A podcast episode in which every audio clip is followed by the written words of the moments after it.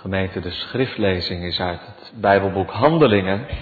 En daarvan lezen we het derde hoofdstuk, de eerste twaalf versen. Handelingen 3, vers 1 tot en met 12.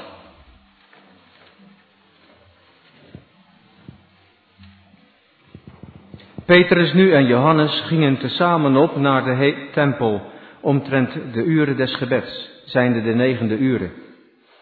En een zeker man die kreupel was van zijn moeders lijf, werd gedragen, welke zij dagelijks zetten aan de deur des tempels, genaamd de schone, om een aalmoes te begeren van degenen die in de tempel gingen. Welke, Petrus en Johannes ziende, als zij in de tempel zouden ingaan, bad, dat hij een aalmoes mocht ontvangen. En Petrus, sterk op hem ziende met Johannes, zeide, zie op ons. En hij hield de ogen op hen, verwachtende dat hij iets van hen zou ontvangen. En Petrus zeide, zilver en goud heb ik niet, maar hetgeen ik heb, dat geef ik u. In de naam van Jezus Christus, de Nazarener, sta op en wandel. En hem grijpende bij de rechterhand, richtte hij hem op en terstond werden zijn voeten en enkelen vast. En hij opspringende stond en wandelde en ging met hen in de tempel, wandelende en springende en lovende God. En al het volk zag hem wandelen en God loven. En ze kenden hem dat hij die was die om een aalmoes gezeten had aan de schone poort des tempels. En ze werden vervuld met verbaasdheid en ontzetting over hetgeen hem geschied was. En als de kreupele die gezond gemaakt was aan Petrus en Johannes vasthield, liep al het volk gezamenlijk tot hen in het voorhof, hetwelk Salomo's voorhof genaamd wordt, verbaasd zijnde. En Petrus dat ziende, antwoordde tot het volk, gij Israëlitische mannen, wat verwondert gij u over dit? Of wat ziet gij zo sterk op ons, alsof wij door onze eigen kracht of godzaligheid deze hadden doen wandelen?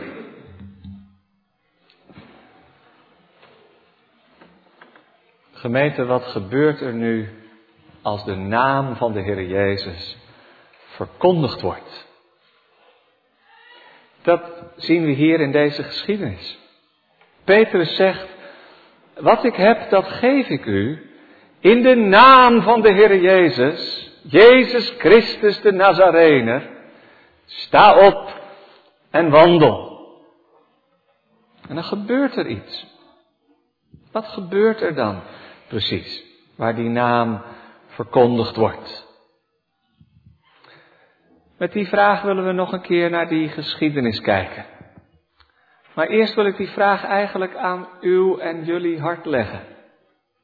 Wat gebeurt er hier in Arnhemuiden als de Heer Jezus verkondigd wordt? Wat gebeurt er dan met je? Wat doet dat met je? Misschien is er wel iemand die zegt dan, springt mijn hart op van vreugde. Want in Hem is het leven en de zaligheid en de vreugde en de enige troost in leven en sterven. Dat heb ik nodig. Daarom ga ik naar de kerk. Om meer en om weer te horen van die ene naam die onder de hemel gegeven is. Maar ik kan me ook voorstellen dat er jongelui zijn in de kerk die zeggen, ja, ik weet het allemaal wel, wie Jezus is, wat Hij gezegd heeft, wat Hij gedaan heeft, dat Hij gestorven is aan het kruis en dat Hij opgevaren is naar de hemel. Maar ja, om nou te zeggen dat me dat echt raakt en dat, dat het me wat doet, ik moet heel eerlijk zijn, het gaat eigenlijk vaak langs me heen. Die preek, het is wel interessant soms, vaak ook een beetje moeilijk. Maar het heeft zo weinig te maken, weet je, met het leven van elke dag, van maandag tot en met zaterdag. Het is zo'n andere wereld. En wat zegt die naam van Jezus mij dan eigenlijk in de praktijk van mijn leven? Ongetwijfeld zijn de jongelui misschien ook wel ouderen in de kerk die toch zo denken en voelen. Hoe komt dat? Je weet het allemaal wel, en toch is het net of die naam van Jezus je niet zoveel of misschien wel helemaal niks zegt. Ik merk vaak bij jongeren dat ze daar wel mee verlegen zitten. Dat ze zeggen, eigenlijk zou dat anders moeten zijn. Ik zou het wel graag willen dat het me zou raken en mijn leven zou veranderen. Maar ja, ik weet niet goed hoe dat moet. Misschien zit je zo vanmiddag in de kerk. Afwachtend, maar toch wel uh, met een beetje uh, een onbestemd verlangen naar meer als het gaat om het leven met God. Dat hoop ik dan tenminste, dat je niet die onverschilligheid koestert. Ze zegt, nou, kan mij het allemaal schelen. Want dan is het wel heel moeilijk hè, voor het woord van God. Kijk, de Heer is almachtig natuurlijk. Maar dan is het wel heel moeilijk voor de prediking om jouw hart te bereiken. Als je die onverschilligheid voedt en koestert. Ik hoop niet dat het zo is. Misschien zijn er tenslotte ook wel mensen in de kerk die zeggen, ja, er zijn tijden geweest dat die naam van de Heer Jezus me zoveel deed. Dat ik door het geloof in Hem mocht weten van het eeuwige leven. Maar ja, het is zo'n strijd tegen de zonde en in de wereld om er echt dichtbij te blijven, weet je. Eh, je wordt zo in beslag genomen door al die andere dingen. En dan lijkt het alsof dat gevoel of dat geloof misschien zelfs wel wegebt. Waar is dat gebleven? Dat eerste vuur, dat eerste enthousiasme. Ik was er zo door gegrepen, ik was er zo vol van. En nu zijn er allerlei andere dingen die me verwarren en in beslag nemen. Het lijkt wel of het helemaal weg is. Nou, ook dan kun je soms zo verlangen naar vernieuwing. Dat die naam van de Heer Jezus opnieuw centraal mag staan in je leven. Dat je hart opspringt van vreugde in Hem. Hoe het ook zij, laten we die vraag eens stellen aan deze geschiedenis. Wat gebeurt er als de naam van de Heer Jezus verkondigd wordt? Want uiteindelijk is niet onze ervaring of ons gevoel het belangrijkste, maar wat zegt het woord van de Heer daar nu van?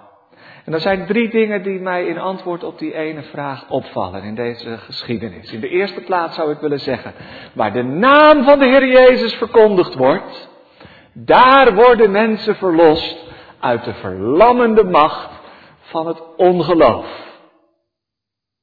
Wat een troost is dat, waar die naam verkondigd wordt. Daar veronderstelt God niks bij ons, maar daar schept Hij door zijn woord geloof waar het niet is. Mensen die soms jarenlang gevangen zitten in de cirkel van hun eigen denken en leven, of dat nou heel godsdienstig is of veel minder godsdienstig. Het is allebei ongeloof. Een cirkel, verlammend. En dan komt de Heer met zijn woord. En dan klinkt daar de naam van de Heer Jezus. En die cirkel wordt doorbroken en mensen worden verlost uit de, uit de ban waar ze in gevangen waren. Laten we eens kijken, jongens en meisjes, wat daar gebeurt. Twee mannen gaan op naar de tempel. Ja, ze gaan letterlijk op, want die tempel die ligt daar wat hoog in Jeruzalem. En ze komen vanaf de oostkant, waarschijnlijk de, gouden, de schone poort. Dat was een koperen poort aan de oostkant van de tempel. Uh, als je op de Olijfberg geweest bent, mensen die in Israël geweest zijn, die kijken dan vanaf die kant, uh, waar nu de moskee dan staat, maar op het tempelcomplex, zoals dat daar vroeger was. Dat is een behoorlijk steile helling. En Johannes en Petrus, ze wandelen samen drie uur middags naar het tempelgebouw. Wat gaan ze daar doen? Het is de tijd van het avondoffer. Daar namen ze de tijd voor van zo drie uur tot zes uur s'avonds ongeveer. Rond zonsondergang. Dan werd het offer gebracht. En in die periode was er gebed voor het volk van Israël. Zoals het door de hele wereld verspreid was. Dat kun je al lezen bij Daniel, die ook rond de tijd van het avondoffer bad voor zijn volk. Om Gods ontferming en om de vervulling van Gods belofte. Ze gaan samen, en dat is wel van belang in deze geschiedenis, naar de tempel om daar te bidden. Vind je dat lang, anderhalf uur? Ik zei net dat het wel zo'n drie uur duurde, zo'n dienst. Twee keer zo lang als onze kerkdiensten. Het is ook maar net wat je fijn vindt, hè? Ik hoor uh, de meeste jongeren niet mopperen als een voetbalwedstrijd verlengd wordt. Dat vind je extra spannend. Dan ben je met des te meer aandacht gespitst om dat te zien. Hoe loopt het af? Maar als een kerkdienst verlengd wordt, dan zit je te zuchten. Moet het allemaal zo lang? Nou, dat hoeft niet zo lang. Ik ga vanmiddag niet voor de verlenging, maak je daar geen zorgen over. Maar het is maar net waar je hart op gericht is. Hè? Waar ben je mee bezig? Drie uur dienst. Nou was daar natuurlijk wel wat meer te zien en te doen in die tempel dan alleen maar een preek. Daar werden offers gebracht, daar werd gebeden, daar werd gezongen. En de discipelen wilden daar graag bij aanwezig zijn. Dat is opvallend als je erover nadenkt. Want de Heer Jezus was toch al gekomen. Het grote offer was toch al gebracht. Het lam van God, dat de zonde der wereld wegneemt, had zijn bloed gegeven aan het kruis. En het voorhangsel van de tempel tussen het heilige en het heilige der heiligen was van boven naar beneden door midden gescheurd. Je zou zeggen, de, de, de, discipelen toch niks meer te zoeken daar in die tempel. Nou, inderdaad, ze keken met andere ogen naar de offers die gebracht werden, want ze wisten dat het offer vervuld was. En toch wilden ze zo graag met het volk zijn. In het huis van de Here, in de dienst van de Here, bij het gebed voor Israël het volk van God. Ik zal met vreugde in het huis des Heren gaan, om daar met lof uw grote naam te danken. We hebben het samen gezongen. Het is het huis van God waar ze samen naartoe gaan. En terwijl ze daar samen opwandelen naar de tempel, wordt daar zo rond diezelfde tijd een man gedragen. Dat is een hele show natuurlijk tegen zo'n steile helling. Maar er zijn wat vrienden die hem elke dag op zijn vaste plek daar bij de tempelpoort neerzetten. De man is gehandicapt, zouden we zeggen. Verlamd. Van zijn moeders lijf af aan. Jongens en meisjes, hij had nooit gevoetbald, nooit gerend, gesprongen. Alleen maar zijn hele leven lang gezeten. Moest altijd gedragen worden hierheen, daarheen. Iemand in een rolstoel zouden wij zeggen. Dat is best heel wat als je gehandicapt bent en als je zo geboren bent. Ja, dan weet je natuurlijk niet anders. Dan ben je daar ook wel weer aan gewend in zekere zin. Maar toch, zo'n heel ander leven dan andere mensen. Vroeger zeiden ze wel van iemand die gehandicapt was, die is ongelukkig. Vooral van een verstandelijke handicap. Dan moet je dat eigenlijk niet zeggen, want ik heb veel meer mensen ontmoet die ongelukkig zijn terwijl ze niet gehandicapt zijn dan andersom. En zeker mensen met een verstandelijke beperking of die anders begaafd zijn, zeggen wij dan, die kunnen best heel gelukkig zijn. Niet ongelukkig. Het ongelukkige van deze man was ook niet zozeer dat hij gehandicapt was. Maar wat dan wel? Hij zat daar de hele dag te bedelen. Aalmoes staat er. Nou, dat oude Nederlandse woord is in het Grieks medelijden. Dat riep hij maar. Heb medelijden met mij. En hij hield zijn hand op, of misschien stond er wel een bakje waar de mensen wat munten in konden gooien. Wie heeft er nog iets over voor een arme bedelaar? Het medelijden met mij. En zo zat hij daar, dagelijks bij de tempelpoort. Bekende verschijning, ze kenden hem allemaal, staat er verderop in de geschiedenis. Iedereen wist dat die man daar zat en, en riep. En uh, af en toe dan gaven ze hem een paar stuivers. Wat was die man in een afhankelijkheidspositie gedrongen? Hij kon niks anders meer dan alleen maar zijn hand ophouden en was volstrekt afhankelijk van de goedwil, van, de, uh, van het medelijden van andere mensen. Wat een ellendige situatie. En wat zou dat doen met iemand zijn zelfbeeld als hij niks anders kan dan bedelen? dan blijft er volgens mij niet veel meer van je eigen dunk over. Dan blijft er niks meer van jezelf over. Dan ben je volstrekt in een positie waar God je niet hebben wil. Ja, wel afhankelijkheid tegenover Hem, dat we bedelaars zijn aan Zijn troon. Maar niet zo. Wist u dat? Dat in de wet van Mozes in Deuteronomium 15 staat, er zal in Israël geen bedelaar zijn. Dat mocht niet, volgens de wet van Mozes. Die man zat daar te zondigen bij de poort van God. Bij de poort van de tempel. Iets te doen wat niet mocht. Nou ja, hij kon daar zelf natuurlijk niet eens zoveel aan doen. Het was een teken, zeggen de kanttekenaren van de Statenvertaling terecht, van het diepe verval van de wet van God onder het Joodse volk. Ze hadden ervoor moeten zorgen dat die man werk had, dat hij wat te doen had, dat hij een nuttige plaats kon innemen in de samenleving. Die bedelaars konden er niet zoveel aan doen, want ze waren ze hadden geen andere keuze, zou je zeggen. Maar de mensen om hen heen, stonden schuldig aan de wet van God. Israël had ervoor moeten zorgen dat er niet gebedeld werd onder het volk. En zeker niet bij de tempelpoort. En die twee ontmoeten elkaar. Er staat dat hij Petrus en Johannes aan zag komen terwijl ze de tempel binnen zouden gaan. En net als altijd vroeg hij ook aan hen, almoes, medelijden. Hij zag hen. En dan wordt er een ander woord gebruikt in het vierde vers. En Petrus, sterk op hem ziende, met Johannes, zei, zie op ons. Petrus maakt oogcontact. Dat is ongewoon. Want als wij iemand langs de kant van de weg laten toegooien, of een muzikant in een grote stad, of als je met vakantie bent, dan ga je daar niet staan gapen naar iemand, toch? Dat is, dat is een beetje gênant.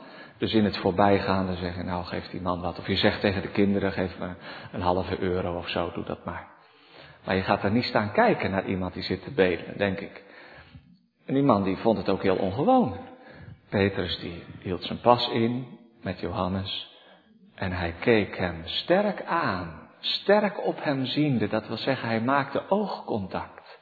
En als die man al een beetje mm, beschaamd en verlegen weggekeken had, zei Petrus er ook nog bij, zie op ons. Wat is dat? Laat ik het heel kort zo zeggen. Petrus kijkt met de ogen van de Heer Jezus. En met de ogen van de ontferming van de zaligmaker ziet hij de nood en de ellende van deze man. Kijkt u ook wel eens met de ogen van de Heer Jezus om u heen? Op uw werk of jullie, eh, in midden in je vriendenkring, waarvan je denkt, er zijn er zoveel die eigenlijk maar voortleven zonder te bidden en in de Bijbel te lezen. Zonder aan God en zijn woord te denken. Wat erg! Misschien zijn er wel mensen op uw werk die eigenlijk in grote nood zijn.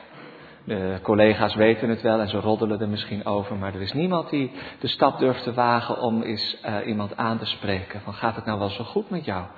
Thuis of in je huwelijk of met je gezondheid, want iedereen kijkt er maar een beetje langs heen. Zijn er mensen, dat is wat de Heer van ons vraagt, die kijken met de ogen van ontferming, met de ogen van de Heer Jezus en zo de nood zien van de wereld om ons heen. Dat gebeurt hier. En wat zag Petrus dan? Ja, zeg, jij zag die man daar zitten. Ja, dan nog eens even proberen wat dieper over na te denken. Waarom zat die man daar? Ja, zeg, hij zat daar om te bedelen, omdat hij verlamd was. Ja, laat ik het anders nog zeggen. Waarom zat die man daar nog? De Heer Jezus was toch gekomen? De zaligmaker was toch gekomen? Hij is gekomen tot het zijne. Maar de zijnen hebben hem niet aangenomen. Die man die zit daar nog steeds. Al 40 jaar, tenminste hij was meer dan 40 jaar oud, staat in het volgende hoofdstuk. Al jarenlang zit hij daar bij de tempel alsof er niks gebeurd is. Alsof er niks veranderd is. Alsof er geen Messias is, geen zaligmaker, geen heiland, geen Heer Jezus, geen verlosser, geen redder. Hij zit daar en hij is niet in staat om op te staan en het huis van God, dat is de gemeenschap van God, binnen te gaan. Hij is buitengesloten, buiten de gemeenschap van God, want hij zondigt tegen de wet van God. En hij heeft niet geloofd in de Heer Jezus Christus. Nou zeg ik een heleboel tegelijk. En of je dat op die man zelf helemaal toe mag passen, dat is misschien nog wel de vraag. Maar hij zit daar als een, als een zinnenbeeld van de verlammende macht van het ongeloof dat over Israël nog steeds in grote getalen gekomen is. Ze hebben gehoord van de Heer Jezus. Ze hebben hem zijn wonderen zien doen. Ze hebben gehoord dat hij is opgestaan uit de doden. Ze zijn met Pinksteren getuigen geweest, misschien wel van de prediking van Petrus. Maar er is iets in hun leven wat hen verlamt en wat ze niet in staat maakt om op te staan en de Heer Jezus na te volgen. De verlammende macht van het ongeloof. En we weten dat natuurlijk niet zeker, ik zeg dat voorzichtig, maar de Heer Jezus zegt zelf, dagelijks was ik bij u, lerende in de tempel. En van deze man wordt gezegd dat hij dagelijks zat aan de poort van de tempel. Niet alle mensen werden genezen in Israël. Lang niet allemaal. Die indruk zou je bijna hebben als je de evangelie leest, maar het is toch niet waar. Deze man was niet genezen. Het is niet ondenkbaar dat de Heer Jezus wel eens langsgelopen was. Vlakbij geleest. Het is zeer waarschijnlijk dat hij de naam van de Heer Jezus kende en van hem gehoord had, zoals iedereen in Israël hem kende en van hem gehoord had. Wat denken jullie jongens en meisjes? Zou die man ooit geroepen hebben, één keertje maar.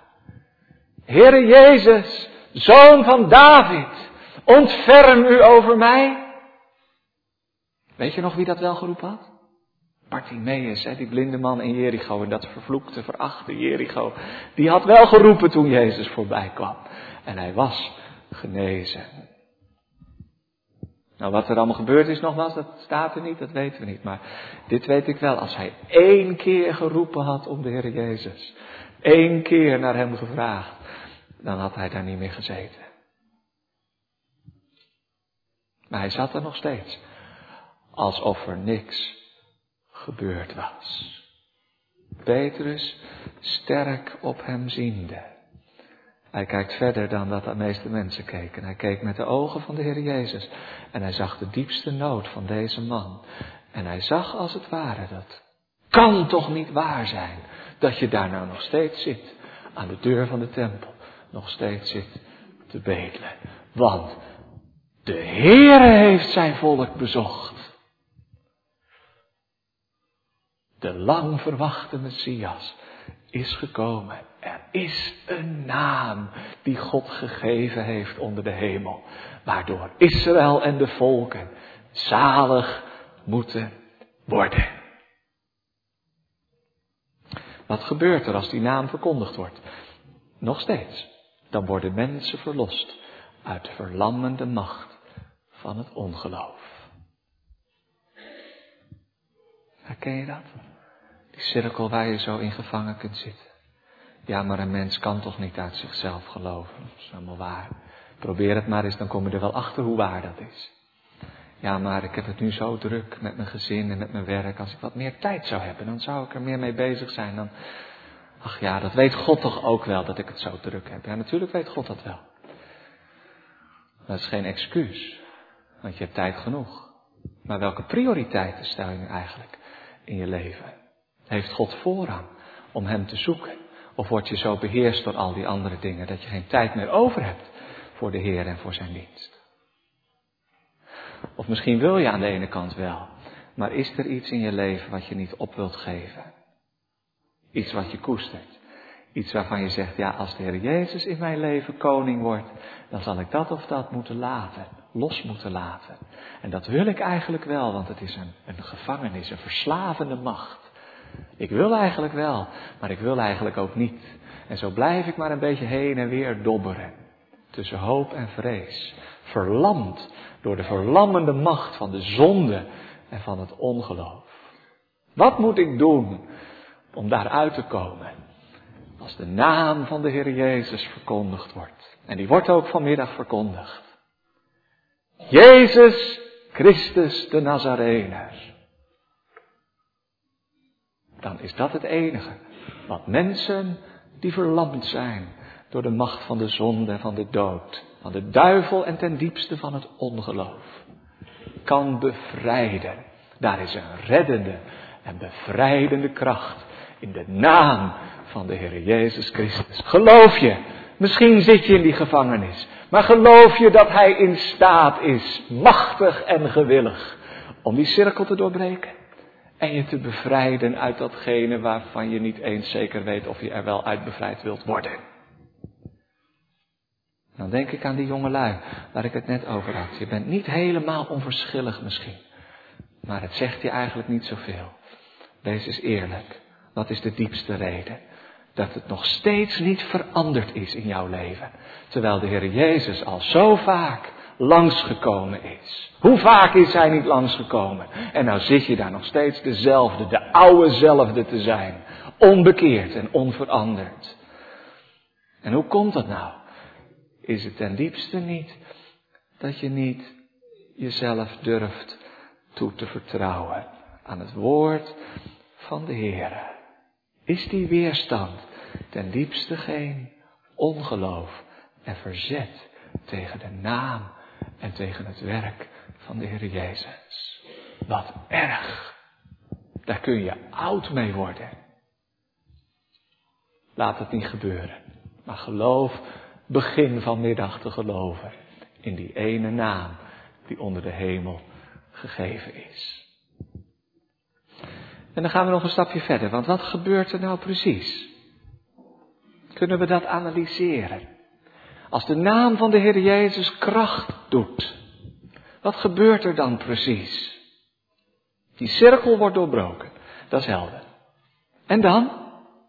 Nou, ik zou de tweede plaats willen zeggen, waar de naam van de Heer Jezus verkondigd wordt, daar worden mensen opgewekt tot een nieuw, godzalig leven. De Heidelbergse catechisme zegt dat zo mooi als het gaat om de opstanding van de Heer Jezus. Wat geloof je van de opstanding van de Heer Jezus? Ja, dat Hij is opgestaan, natuurlijk. Dat is waar, het heilsfeit. Maar dan staat erbij in de catechismus dat wij door zijn opstanding worden opgewekt tot een nieuw leven. Jezus leeft en ik met hem.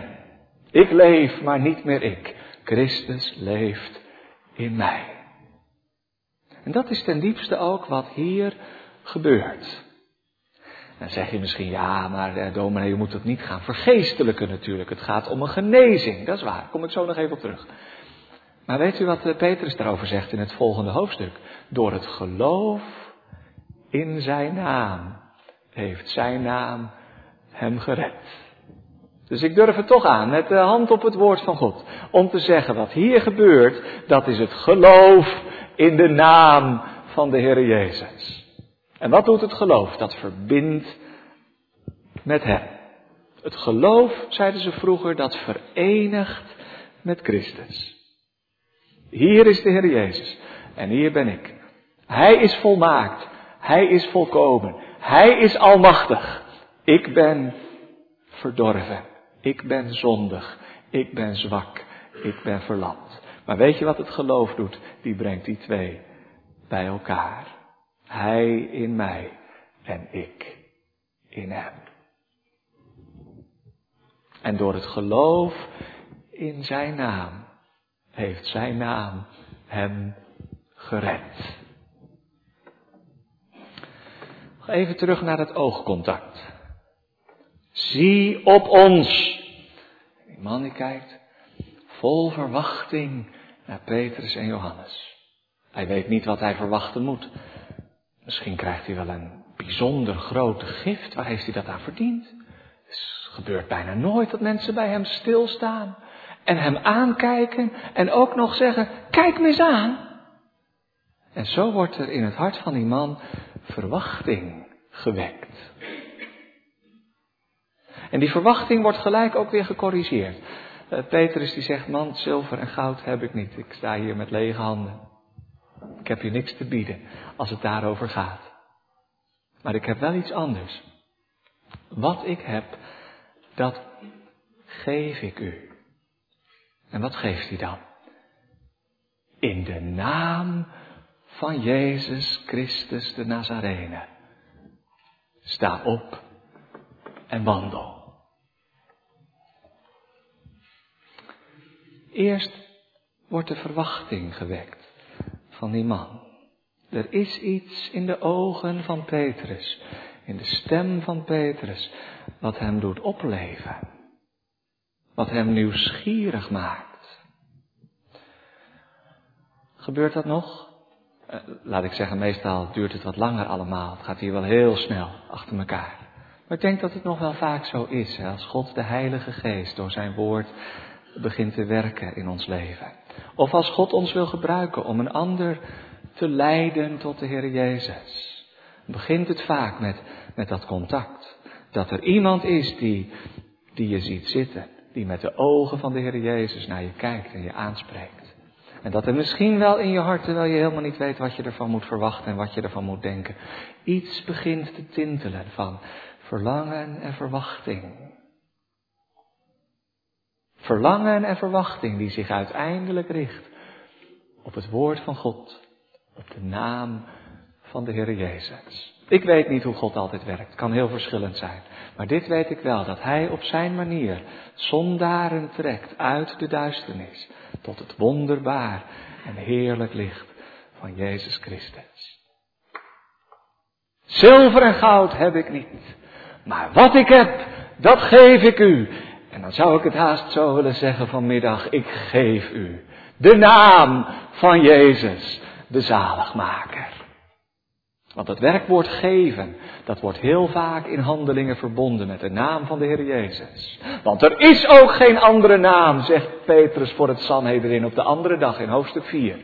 Er is ook geen andere naam die onder de hemel gegeven is onder de mensenkinderen, waardoor wij zalig moeten worden. God heeft zijn naam gegeven.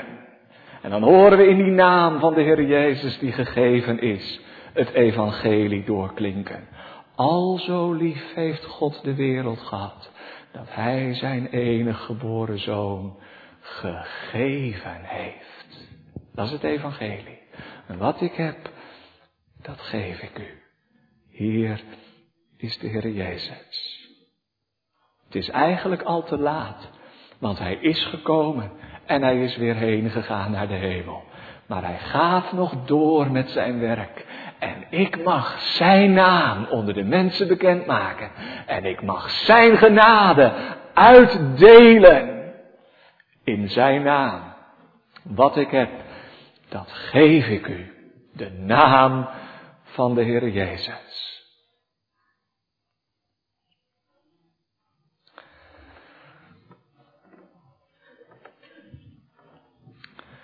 En dan zou ik vanmiddag zo tegen jullie willen zeggen en tegen u. Wil je Hem hebben? De zaligmaker. Of wil je de Heer Jezus niet? Heb je Hem niet nodig, omdat je het zelf nog redt? Zou je dan zeggen, als je langs de kant van de weg zit, daar heb ik niks aan, aan Jezus. Ga maar voorbij. Je houdt me voor de gek. Geef mij maar zilver en goud. Dat zou erg zijn. Dat kan toch niet? Dat de Heer Jezus komt in het gewaad van zijn woord. En dat hij vanmiddag zegt, zie hier ben ik, zie hier ben ik. Een volkomen zaligmaker voor een verloren zondaar. Voor een bedelaar buitengesloten uit het huis en uit de gemeenschap van God. Voor de poort van de tempel. En dan komt de Heer Jezus en hij zegt, zie hier ben ik. Wat ik heb, dat geef ik u. Dat is het volle evangelie. Het aanbod van Gods genade. Niet aan vrome mensen, niet aan uitverkorenen, niet aan bekeerden. Maar het aanbod van Gods genade. Rijk en vrij. Aan arme zondaren. Je hoeft niks te hebben, je hoeft niet te kunnen. Je hoeft maar één ding te doen. En met lege handen voor Hem staan. En zeggen, Heer, ik heb niks. Ik heb lege handen, ik heb een leeg hart. Ik heb alleen maar schuld. Het is zo onverdiend dat u naar mij omziet. Maar ik heb u toch nodig. Ik kan niet verder zonder u, zonder uw naam. Geef mij Jezus. En daar komt hij, in het gewaad van zijn woord, telkens weer naar ons toe. En hij zegt het, zie hier ben ik, zie hier ben ik. En wat er dan gebeurt, dat laat zich niet eh, ontrafelen. Dat blijft een geheim. Daar kun je de vinger niet achter krijgen. Maar er gebeurt wel iets. Door de verkondiging van die naam krijgt die man nieuwe kracht. Iets wat hij van nature niet had. Hij had nog nooit gelopen. Hij wist niet eens hoe dat moet. Een kind moet je leren lopen, vallen en opstaan. Hij had het nog nooit gedaan. Maar Petrus grijpt hem bij de rechterhanden. Hij heeft geen tijd om na te denken, te zeggen, ja, maar dat kan ik helemaal niet. Hij heeft geen tijd om, om ongelovig te zijn, want hij richt hem op zijn voeten. En zijn enkelen en voeten worden vast. Hij wordt versterkt, staat er in het volgende hoofdstuk. Hij krijgt goddelijke kracht. Want het woord van God heeft een scheppende kracht in zich.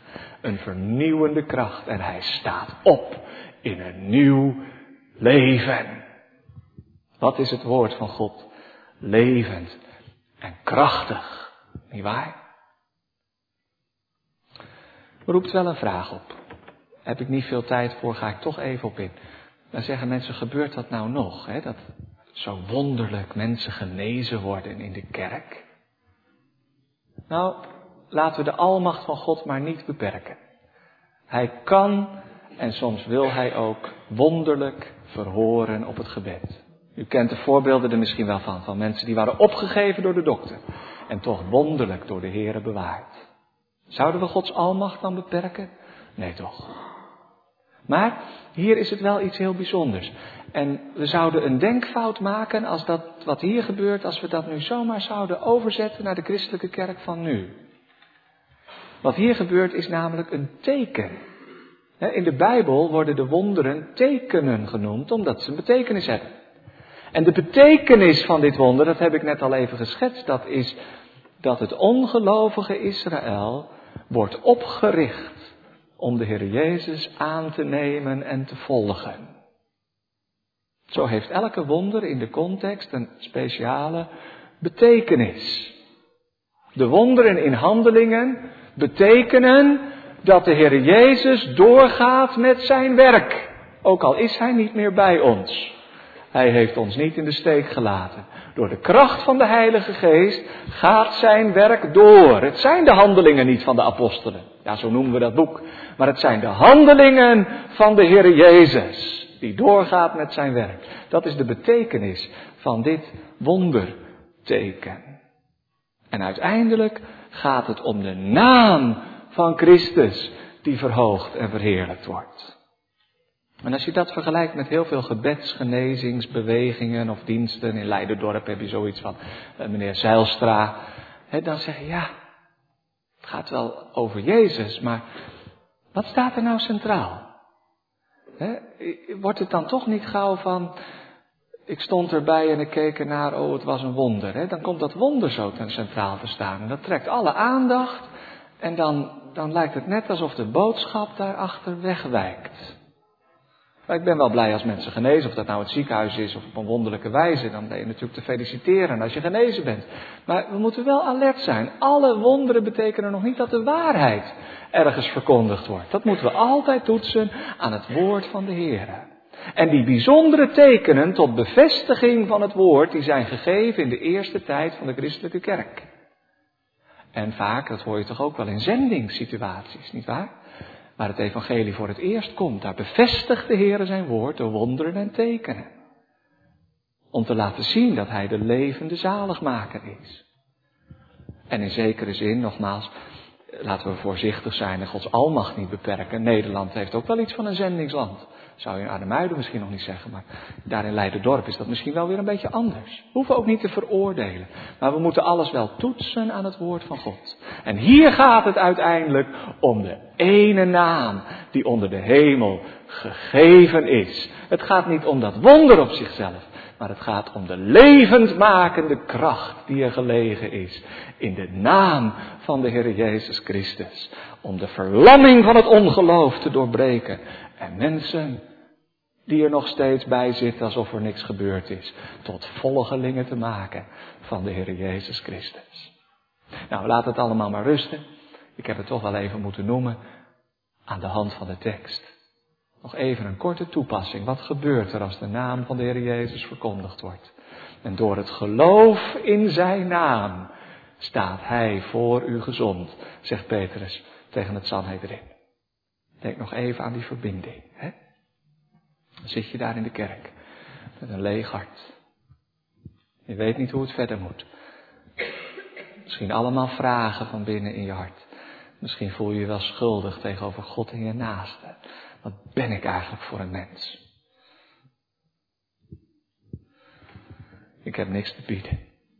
Niks te makken. En dan hoor je van de naam van de Heer Jezus. En dan zeg ik het nog een keer. Zilver en goud heb ik niet. Maar wat ik heb, dat geef ik u. Hier is de Heer Jezus Christus. In de belofte van het Evangelie. Hij is er ook voor u. Hij is er ook voor jou. Durf je Hem dan te weigeren en verder te gaan alsof er niks gebeurd is? Dan kan ik maar één ding zeggen. Neem Hem aan. Niet omdat je dat kunt in eigen kracht. Dat bestaat niet. Maar door de krachtige werking van Zijn geest en van Zijn woord. Leg die weerstand af en ontvang de Heer Jezus Christus met de hand van een bedelaar. En zeg het dan maar, ik geloof, Heere, kom mijn ongelovigheid te hulp. Want dat geloof verenigt Christus met de zondaar. Hij in mij en ik in hem. En dan kan het, wat er ook gebeurt, welke stormen er ook zullen woeden. Hij waakt over al degenen die hun vertrouwen op Hem vestigen. Is het daarmee klaar? Nee, nog niet. Er is nog een derde antwoord. Als we nog even teruggaan naar die geschiedenis. Wat gebeurt er als de naam van de Heer Jezus verkondigd wordt? Dan zou ik in de derde plaats willen zeggen, dat is het begin van de hemel op aarde. De catechisme spreekt ergens van een voorsmaak, hè? een voorproefje van de eeuwige zaligheid.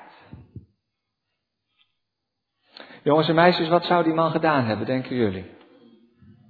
Als hij genezen was. Hij kan lopen. Misschien dat hij eerst verwonderd gekeken heeft. Ik loop. Ik heb nog nooit gelopen en nou kan ik opeens lopen. Je zou toch naar huis gaan, hè? En je zou het aan je familie vertellen, aan je vrienden. misschien was hij wel getrouwd, dat weten we ook niet. Vrouw, ik ben genezen. Ik kan lopen. Ik heb nog nooit gelopen. Kijk eens wat er gebeurd is. Maar hij gaat niet naar huis en hij gaat Jeruzalem niet binnen. Weet je waar die man heen gaat? En dat vind ik zo'n mooie trek hier in deze geschiedenis. Want dat, dat laat ons zien waar zijn hart lag. Hij lag aan de poorten van de tempel. Ik was liever in mijn bondsgodswoning een dorpelwachter dan gewend aan de ijdele vreugd in boze tent. Zijn hart lag daar. In ieder geval na zijn genezing wilde hij nog maar één ding doen. Ik zal met vreugde in het huis des Heren gaan, om daar met lof uw grote naam te danken.